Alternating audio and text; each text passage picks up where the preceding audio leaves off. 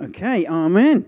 So, what I wanted to do today was well, actually, I'm doing another talk this evening which will follow on from this. It's like a mini series of two talks.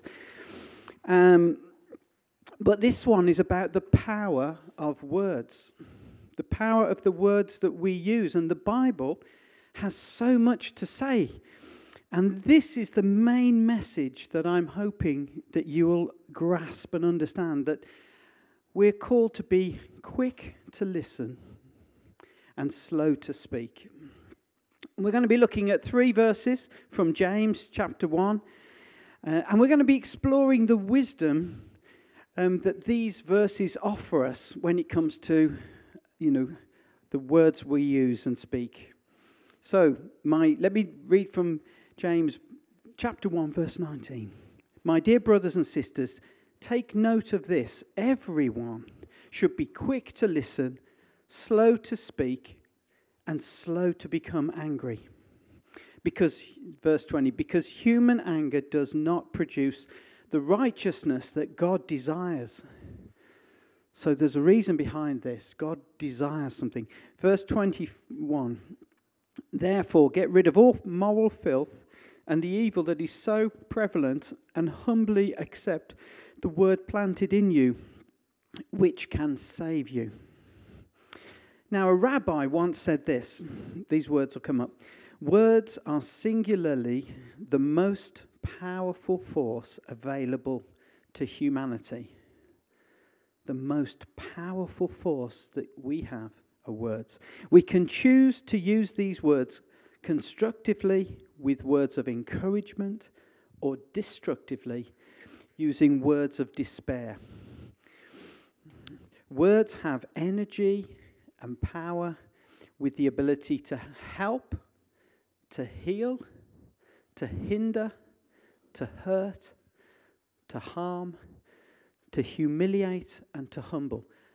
I'm hoping that you will start to grasp the fact that God has given you a gift, being able to speak words, and we all take it for granted. And yet, those words are incredibly powerful. Now, it, there's not a slide on this, but this morning I was just thinking um, because it's Pentecost, because it's a move of the Spirit, you know, we find at the beginning of Genesis that just three little words, and it's, they come up eight times in the first chapter. Then God said, and the first day was created. Then God said, and the second day. So, right from the beginning of the Bible, you know, Jesus is known as the Word, but words that God spoke, and it was the Holy Spirit was hovering, then God said. There's this partnership between God speaking and the Holy Spirit moving. And that's what I'm hoping that you'll catch the vision of today that Jesus, by his Holy Spirit that lives in us, for those of us who are followers of him, will move powerfully. And I'm hoping you'll find some practical wisdom. You may not be a follower of Jesus, you may not be a Christian, but this book of James is, uh, is full of wisdom, full of you know, useful tips on how to live. Now, I'm an extrovert, and I often tend to speak before I think. In fact, I find out what I'm thinking as I speak. Um, if I'm not talking, there's just nothing going on in my head. It's, it's a great gift that God's given me. I don't think about anything I should worry about until I speak. Um, so I'm a blessed man. And, but it's amazing how often I can say things that upset people. And I don't even realize at the time, but, but God gave me another gift. He gave me a wife. And um, she explains regularly to me how the things I say are not appropriate, they're not helpful, and um, she's often right. And so I want to tell you a little story about an incident that happened with my dad. Now, if I can put a picture of my dad, this is an old picture. That's my dad. There's me on the far right with my two brothers. And my dad, he was, he's, he's dead now. He's been dead for 10 years. and he was 83 when he died. So you can tell that just by looking at me, you can tell that's an old photo. But I wanted you to see my dad, and let me show you a picture of my mum. Oh my goodness! Now again, um, so you can see where I got the white hair from. It was from my mum, not my dad. Um, if we can, if we can just go back to a picture of my dad, I just want to tell you a story of what was happening, something that happened with my dad, because I love to debate with my dad. We love to argue. We used, we used, we would, um, we'd sit in the garden, and we had very different viewpoints politically and in, in terms of what we felt the church should do, what the government would do. And it was our way of um, feeling connected and close. We would talk about things. And my dad was a very introverted person. I'm very extroverted. But there was this one occasion when it all went badly wrong. Um, I'd had a long drive home to visit my, my parents, and I was stressed, I was late, there was things in my life not going well. And it, this would be about 12, 13 years ago. And the traffic had been bad, so I was anxious. And my dad, he just uh, had come in from a walk, and immediately I could see that he wasn't his normal self. He was stressed, he was a bit anxious. I didn't know what about. And our relationship was such, you know, it was a normal male relationship that we didn't talk about anything very personal, you know. So it wouldn't occur to me to ask him what was wrong. Um, so we were both on edge. And then my dad said something to me. And to this day, I can't remember exactly what he said, but I remember the impact on me. I was, I was very um, shocked. It, it felt very inappropriate, very uh, unkind. And I replied quickly, snapped back at him, um, you know, without thinking, and I said something nasty to him. Um, and I saw the look on his face. He was, in, he was quite insulted. And I thought, good. And, um, and then he replied back again. So it was, it was like a game of tennis, but with insults and, um, and he was painful. And he said something to me, and it really hurt me again. Um, and, and I could feel the anger rising quickly in me. And my dad saw it on my face. And so at that moment, it was like an, a, an anger of a dam of anger, a, a sort of big bubble of anger burst. So my dad went running up the stairs, and I went running after him. And uh, I was moving fast, but he was moving really fast. And, uh, and you know, so we, it, this was now out of control. And my dad got to the bedroom, slammed the door, locked it. I got to the door, banged on the door, uh, and then suddenly felt a bit foolish and walked back downstairs. And then my mother come out, came out. If you just flick to my mum, she came out and she looked at me and said, What's going on? And then I, I just explained, and she just smiled and looked at me and said, Ah, the two stags have locked antlers, but this time the young stag has won. So that sense of there being a conflict. But the thing was, I really had hurt my dad, and he'd really hurt me. We'd not been careful with our words. And you don't recover quickly. And, and my dad stayed up in the room, and then, you know, it took a long time, many weeks, to repair the damage done to that relationship by that short outburst of words that we didn't, we weren't careful about. Um, and I thought to myself, as I was preparing this talk, and even back then, me and my big mouth. It, it's a problem. Now, I, it may be that I'm just the only person in this room, but from the look on your faces, I can tell that some of you are guilty of, at times, occasionally, not being careful with your words. But if only we could learn to be quick to listen, slow to speak, and slow to become angry.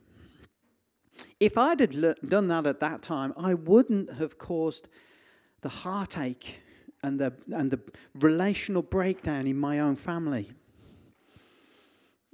And the thing about words, once they're out of your mouth, you can't take them back. And many a time I've wished, oh, if only I could have thought before I spoke. Now, my wife Helen, she's very good at thinking f- before she speaks. Um, but some of us, we're just not as good at that. Have you ever lost your temper? Have you ever spoken words that you've regretted? And how did you feel afterwards? Because initially you can feel satisfied, you know, like I did with my dad, good. But then afterwards there's an empty feeling of, oh, that really didn't help. And how long has it taken you to recover when you've had a breakdown in relationships because of words? It may be words you've spoken, or it may be words that have been spoken to you that have really caused you pain and difficulty. And one of my questions today have you recovered? Because I think that's partly what God wants to do today. He wants to heal us from words that have been spoken over us. He wants us to learn to forgive ourselves for words that we have spoken to others. It may be for you that the relationships that broke down were with your family, could be friends, colleagues at work, your neighbors. Do you know, our words get us into serious trouble at times, especially in this day and age where we have um, Twitter, social media. So this is Danny Baker. Now he's a radio, well, he was a radio presenter and a comedian, and he was sacked instantly for a racist comment. He used four words, and all he said was, Royal baby leaves hospital. The problem was he put this photograph with it. so, royal baby leaves hospital. Well, that can seem quite funny. But when, when, it's, um, when the royal, it's a couple of mixed race, and he got sacked, he lost his job for those words. And he said, Thursday was one of the worst days of my life. You know, his four words on that picture ended his career. Words can be so destructive. You'll all know this next face you're fired. Um, it's not destructive for him, but when you're on the receiving end of, of that, suddenly you can have things spoken to you that just change your life. When I was a child, I was told sticks and stones may break your bones, but names will never hurt you. And I really tried to embrace that, but over the years, I really realized that's not true. At least with sticks and stones, your body recovers, but with words, they can haunt you. They can change the way you think about yourself. Now, do you have memories of words spoken over you that have hurt you? And I'm hoping that as I'm talking, God's Spirit is hovering over this place and starting to remind you of maybe things that you've pushed down and buried. You've not dealt with them, you've not processed them, you've not allowed yourself to get healed up. It's uh, very important. Now, words can also be incredibly positive and powerful. You know, they can create new thoughts, they can inspire courage, faith, love. You know, when Helen and I, we fostered for 10 years, and through that time we had a 17 children go through our home, and some of them stayed for just short amounts of time. We, they were emergency, but three or four of them stayed with us for years two, three years. And what I, what I noticed right at the beginning was the power of our words to these traumatized children that were coming into our care. And the very first, uh, I'll call him, I'll call him Danny because uh, just for the, this is not his real name. he was nine years old. He's the first child that came to us. And he'd, he'd lived through real trauma. Uh, he was very damaged. And it was a real struggle to get him to do anything. So if we were saying, Danny, let, we need to go, let's get in the car, he just wouldn't, uh, he wouldn't obey. And, it, you know, and then we'd take him to church and, and they'd be, right, Danny, we've got to go now. He just resisted anything that we said to him. And it was partly because he was so damaged. And uh, we asked for help, and the senior sort of uh, psychologist, he said to us, try thanking him before you ask. And I thought, well, that's very strange. You know, you know so, so we found myself saying, thank you, Danny, for getting in the car. I thought, oh, I'll try it. Anyway, he just stood up and he got in the car. I thought, wow, this, this is good. so, and it was. There was somehow those positive, affirming words unlocked something in his life that allowed him to engage because he'd been used to such negative, damaging words that he blocked himself off from any communication, loving to protect himself. And it was fascinating. So it's, it's learning uh, often how can we create loving environments because you can do conflict, but we can do it lovingly. Now, here's another one. I only have to say, I have a dream. And immediately you know, for many of us, how powerful those words were and that speech that changed the direction of a nation. Um, or another quote it's not about how much you do, but how much love you put into what you do that counts. Now, those are words of Mother Teresa. Again, she lived a powerful life. Her words had such impact because she lived it out as well. You know, we, we can immediately remember some of those inspirational people. And, uh, and often they drew on the Bible for their words. There's so much wisdom in the Bible. I grew up thinking the Bible was just rules and regulations. I grew up in, in a Catholic family, Catholic background, very grateful for that background. But I never read the Bible, and I just thought it was full of rules and regulations. And, um, and yet, the wisdom in there it's, it's a great resource to work out how to speak. You know, words, they do make such a big impact on people's lives, and often we don't realize it. Some of the little kind things we say can just make such a difference to somebody's day. Do you know, I think that rhymed and I didn't mean it to. Some of the kind things we say can help make somebody's day. Yeah, I like that. Anyway, bear with me. Now, so let me get back to the main thing I want you to, to walk away with being quick to listen and slow to speak. And right now, you might be thinking of someone who really needs to hear a talk like this. You know, someone that really they speak too quickly. And I just want to ask you if you could just put that aside because I want you to apply this to you, not to somebody else. And the problem is, we often are quick to talk and slow to listen. And that's, that is often the cause of so many problems. Have you been in a conversation with someone and you've just had this sense that they're just looking for an opportunity to, for you to stop talking so that they can talk.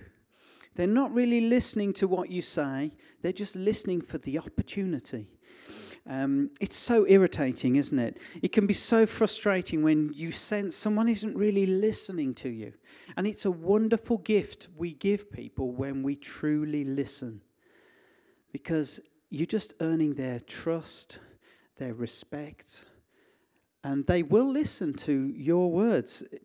But if we're quick to listen, it's a strange phrase, isn't it? How, how do you be quick to listen? It's, um, it's odd, really. That, that doesn't really go, but it, it demonstrates beautifully, catches our attention, makes us stop and think. Now, I remember with my daughters, my four daughters, especially as they went through those teenage years, those years that I've just blocked out of my memory. Um, we had so much conflict in my house.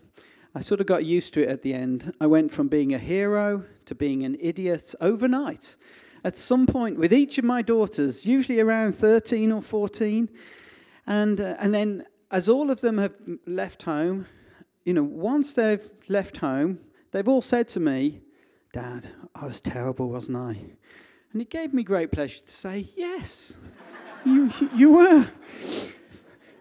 But, but I just want to say that, you know, I remember trying to reason with my daughters, my teenage daughters, uh, foolish thing to do, really, um, because I wanted them to listen to my wisdom, to my experience.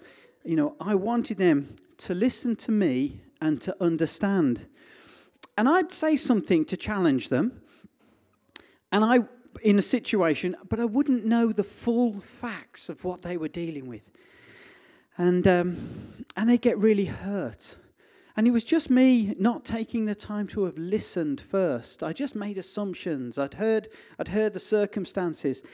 And, that, and the thing I noticed is that when I realized I was in the wrong, and I'd apologize, I'd say, I'm sorry. But of course, they don't recover quickly. And my wife, she tells me that, Tom, you're just a sorry tart.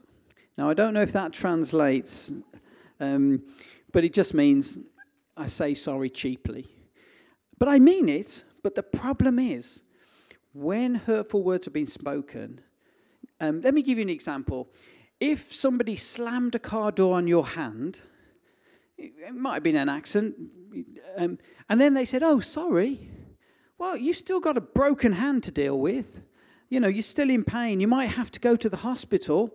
You can't just go, Oh, it's all right. You know, my hand's hanging off, but, you know, don't worry. It's all right. And, and it's a bit like that with words. When they hurt, it takes time. We've got to allow people time to recover. We can't expect them just to go, oh, great, fine, no problem. And people that do say that, they'll often go away, but underneath, they haven't dealt with it. And again, you might be thinking of times where, in a way, someone slammed a door on your hand with the words that they spoke to you. And then they said sorry, and you've tried to go, oh, so quick to listen, slow to speak. And the thing is, these words, they're not my words. These words are from the Bible. Let me just reread verse uh, chapter 119. My dear brothers and sisters, take note of this. Everyone should be quick to listen, slow to speak, and slow to become angry. Now, let me just give you a little bit of background. James, he was the younger half brother of Jesus when he, and uh, he didn't believe that Jesus was the, the Messiah while Jesus was alive. He, you don't, we don't hear anything about him until after Jesus' death. And James saw Jesus, his half brother, crucified. He would have been standing there beside his mother.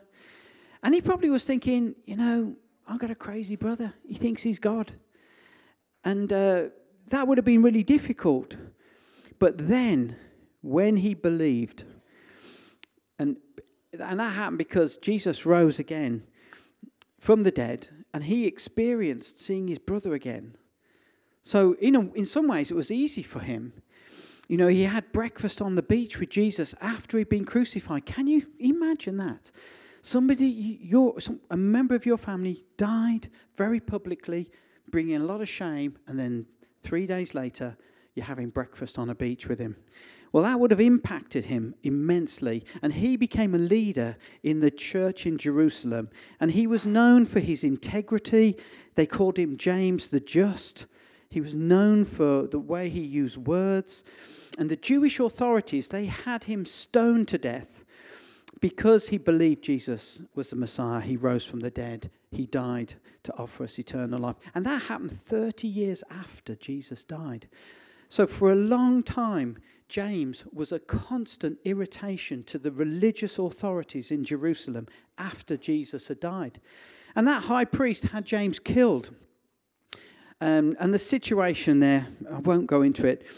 Um, but today, in the 21st century, There are still countries where you couldn't, if you believe Jesus died and rose again and was the Messiah, you could be put in prison, you could be killed, you certainly would be persecuted. So the world hasn't moved on a lot. And we can often take our freedoms here for granted. Your Rice Runners program, my, my, that's not an easy place to be a follower of Jesus. James understood the power of words, and he was writing to Christians, he was writing to the church, and he was doing this because he knew that they were going to face persecution and difficulty. All the more reason to be careful with their words. And he's writing, it's very practical, very down to earth, full of spiritual wisdom. And that opening phrase in that verse, my dear brothers and sisters, we read that. We don't really think of it much, but it was very controversial thing for him to say it. Because women in those days, they were not equal. In that first century, women of any culture, they had no equality of rights. There was no environment where they had rights. They were just property. They couldn't testify in court. Their fathers decided who they would marry, and they would make that decision based on maybe a political perspective, or for financial gain, or for some sort of reason of status. So for women to be even addressed equally was controversial. And that's another reason James got into trouble, because he was impacted by the way Jesus elevated the status of everybody, but especially women you know, culturally, James, he was making a statement men and women are equal. And that was not popular in his day. And so they hated him, the religious leaders. Now, why was James writing this? You know, well, as I mentioned, it was because of the persecution. And, and that's why he pointed out that everyone should be quick to listen, slow to speak. So, practically, how does speeding up our hearing, how does speeding up our listening work? Well, I want to suggest to you that there are things we can do to, that help us be quick to listen. Because if you go away from this talk and you don't apply it to your life, then it's useless. It's just entertainment, and that's not why I'm here. So I want to encourage you to consider, I want to encourage you, I want to invite you even to be curious. Because if you're curious, then it will make you listen. Ask questions. It's the best way to understand someone, especially if you're in conflict with them. Instead of responding, you may want to ask them, So, why do you think that? Why, why are you feeling that?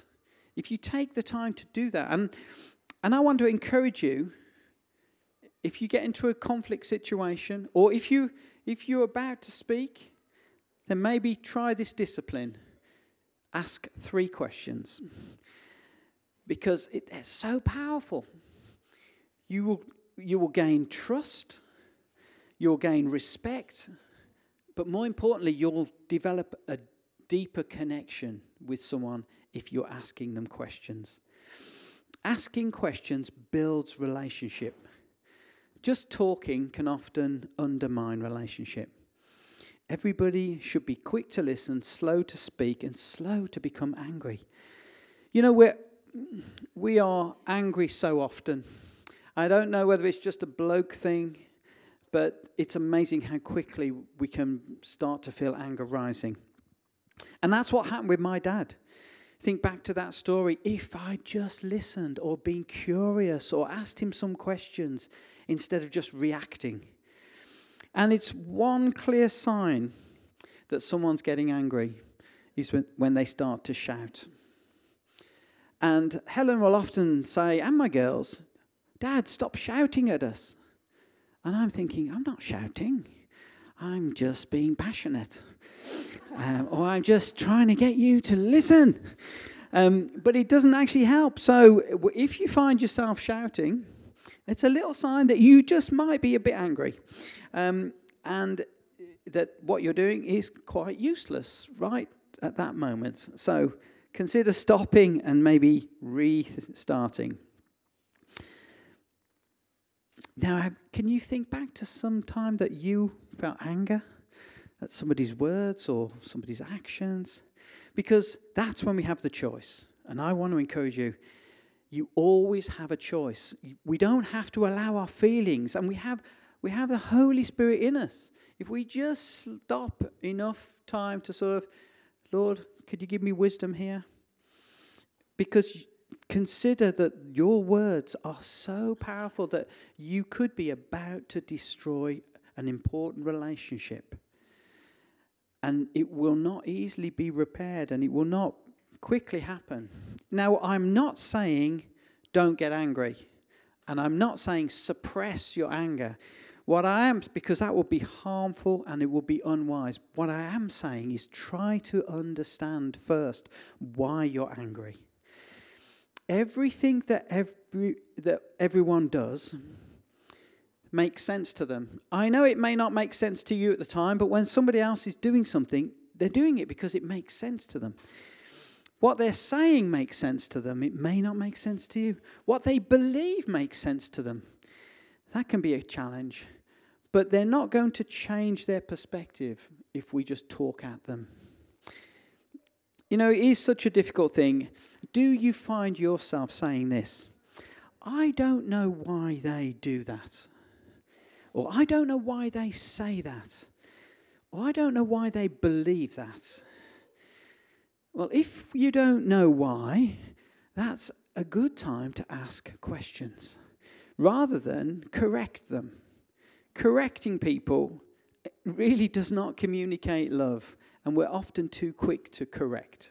Now, in Stephen Covey's book, The Seven Habits of Highly Effective People, I mean, it, it's a painful book to read because you just find out how ineffective you are. Um, but I like this particular habit. Seek first to understand, then to be understood. It's just good advice. And he probably got that from reading James. You know, and if we stopped here, this talk would just be a self help talk. You know, here's a few things to do, here's a few things to consider. But James doesn't stop here. Verse 20 Everyone should be quick to listen, slow to speak, slow to become angry. Verse 20, because human anger does not produce the righteousness that God desires. Okay, so God desires something. There's something called righteousness. Whoa, okay, so how do we deliver that? And what is it? Well, when I get angry or frustrated, it's usually because I know I'm right. And I want you or everyone to know that I'm right. Um, you know, and when we do that, we often just isolate ourselves. Because the person that we're angry with or in conflict or the person we're speaking to, you know, they often think they're right. And, you know, it's a strange thing that we have this tension of, we want them to understand, but we don't really want to understand them. And being right isn't important. If, if we just focus on that, because it can destroy the relationships. And, and you can hurt and harm the people we know and love. And well, as I said earlier, this can happen. Well, it happens in families all the time. Some families they've fallen out with you. They have no idea why. It's just gone on for two decades or generations. We don't speak to them anymore. Why? Well, well, we we just don't. You know, it, and it happens at work. It can happen with neighbours, friends. If the two of you aren't right relationally, it doesn't matter who's right. You see, anger it doesn't produce rightness. That's not being right is not the righteousness God. God wants us to be right with each other, not right. He wants harmony. He wants reconciliation. He wants us to live looking at other people. You know, that reconciliation, that's why Jesus died. You know, we've got a heavenly dad who died to give us a future. He didn't come to judge, he came to save. Listening can save, speaking can communicate judgment. God wants us to be reconciled with each other now, which is so easy for me to say and yet so difficult. You know, righteousness simply means being, um, being just or doing the right thing for someone else, not for yourself. And we can so easily become focused on being right, convincing by forcing the arguments, and it rarely solves anything. And, you know, we've been in a three year transition in the UK with Brexit, and um, it's not really gone very well, I think would be an understatement. And, and I wonder if we would have had a smoother transition if our politicians had been quick to listen slow to speak, and not concerned about party agendas, but what's good for the country. You know, I know it's complex anger and frustration. And we've seen a lot of it in the UK over three years because of this political sort of stalemate that we've been in. And it's been a real challenge in families and but a lot of people don't want to hear your side. And, and what I've been, what I've found is that as Christians, when we can actually listen to someone and then think, okay, that's what you think, that's okay. You're building relationship, building connection. Ah, I had a young man recently came to church. He's a lovely guy. He's 26 years old. Uh, it's the first time he'd ever been in any church, and it was just a couple of weeks ago. And I was chatting to him afterwards, and he was just telling me, "Oh yeah, no, uh, I'm not religious. Um, I've, I've, I've made up my own religion. I've got my own beliefs." He said some of them are a bit dark, but you know, and and I, I thought everything in me wanted to sort of challenge him and go and say, "No, well, that's not right." And I just listened, uh, and then I phoned him up uh, a couple of days later, and we went for a game of pool and and um, with a few others. I mean, and I just had such a good time with him. And then I gave him a lift home, and, and I, I pulled up outside his, his apartment, thinking he'll just jump out and go. And he just sat there, and he then just suddenly shared really personal issues that he was dealing with. That none of that would have happened if I'd been quick to talk, but by being quick to listen. And now we are building trust and relationship. Um, and, and all of that started with me thinking, why would a 26 year old want to sort of hang out with an old codger like me? Um, but you know, for any of us who are sort of 50 plus, um, there's a lot of young people who are looking for mentors. They're looking for people that would take an interest in their lives, looking for people to walk alongside them, looking for people that would help them figure out what they're doing with their lives. Okay, the final verse we're going to look at today, verse 21. Therefore, get rid of all moral filth. And, and this, the, the, what that means is the word that's used for get rid is like take off a coat. So we take off our behaviors, our bad behaviors.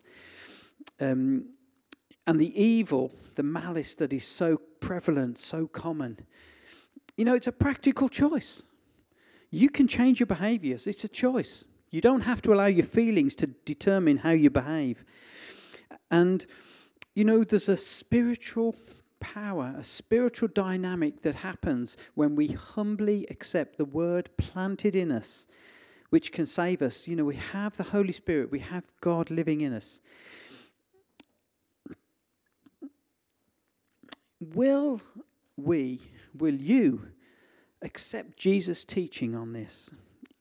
You know, the teaching that he came to save, not judge. The teaching that he's more interested in reconciliation than you being right. You know, I think Jesus really wants us to spend time with people that might create controversy, people that no one else wants to spend time with. One of the things we're doing with our church plant, I'll end in a moment, is that we only have capacity to meet three mornings a, a, a, month.